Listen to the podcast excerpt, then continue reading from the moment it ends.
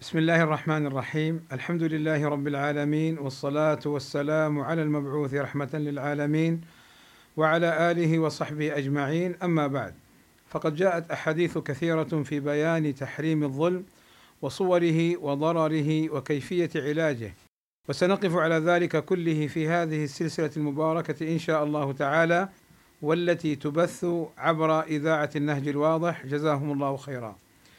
أيها الإخوة والأخوات إن ديننا الإسلامي الحنيف اشتمل على الخير كله وقد جاء بما فيه سعادة البشرية جاء ليخرجهم من ظلمات الشرك والظلم والخرافات الجلية إلى أنوار الإخلاص والعدل والسنة السوية.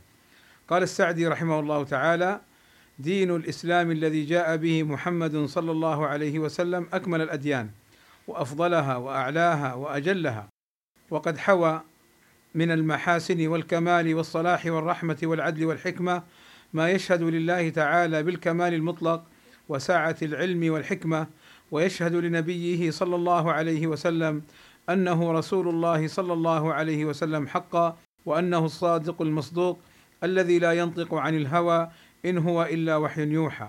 شاهد لله بالتفرد بالكمال المطلق كله ولنبيه صلى الله عليه وسلم بالرسالة والصدق. ودين الإسلام دين رحمة وبركة وإحسان وحث على منفعة نوع الإنسان. فما عليه هذا الدين من الرحمة وحسن المعاملة والدعوة إلى الإحسان والنهي عن كل ما يضاد ذلك هو الذي صيره نورا وضياء بين ظلمات الظلم والبغي وسوء المعاملة وانتهاك الحرمات.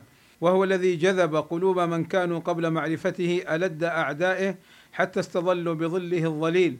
وهو الذي عطف وحنى على أهله حتى صارت الرحمة والعفو والإحسان يتدفق من قلوبهم على أقوالهم وأعمالهم وتخطاهم إلى أعدائه حتى صاروا من أعظم أوليائه. فمنهم من دخل فيه بحسن بصيرة وقوة وجدان ومنهم من خضع له ورغب في أحكامه وفضلها على أحكام أهل دينه لما فيها من العدل والرحمة. انتهى. ونبينا الكريم صلى الله عليه وسلم لم يكن يظلم أحدا. فعن أبي هريرة رضي الله عنه أن رسول الله صلى الله عليه وسلم قال إني لأرجو أن ألقى الله وليس لأحد عندي مظلمة. وكان صلى الله عليه وسلم يستعيذ بالله أن يظلم أو أن يظلم. فعن أبي هريرة رضي الله عنه أن رسول الله صلى الله عليه وسلم كان يقول اللهم إني أعوذ بك من الفقر وأعوذ بك من القلة والذلة وأعوذ بك أن أظلم أو أظلم.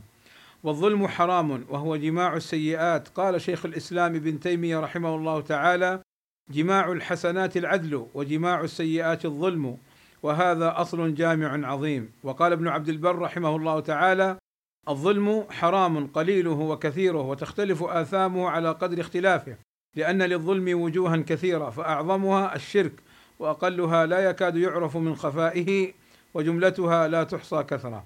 والسلام عليكم ورحمة الله وبركاته.